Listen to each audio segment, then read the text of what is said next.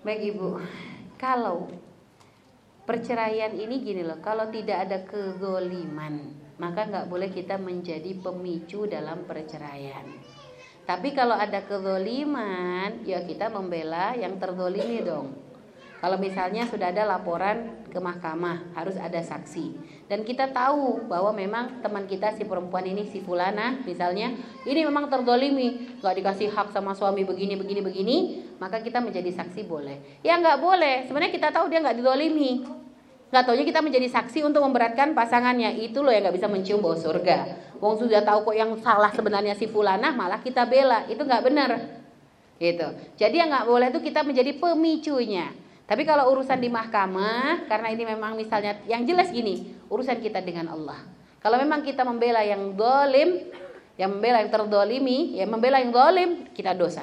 Tapi kalau kita membela yang madlum, yang terdolimi, maka ya nggak dosa dong. Karena kedoliman perceraian itu memang bukan hal yang disenangi, tapi kalau ternyata di situ ada kedoliman, itu menjadi satu hal yang boleh terjadi. Jadi gitu bu ya. Makanya dan ibu kalau misal seandainya pun ada kezaliman begitu, misalnya mohon maaf suami misalnya melakukan hal yang tidak pantas misalnya, akal-akal berkaitan maka dalam mencerita menjadi saksi pun jangan ngobrol. Secukupnya yang kira-kira sudah cukup berat-berat, tidak usah harus pakai diperinci begitu.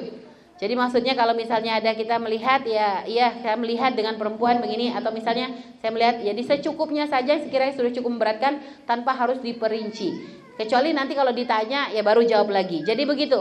Jadi jangan langsung kita tuh obral dan obral cerita jangan ke mana-mana cukup kepada yang memang bisa memberikan keputusan.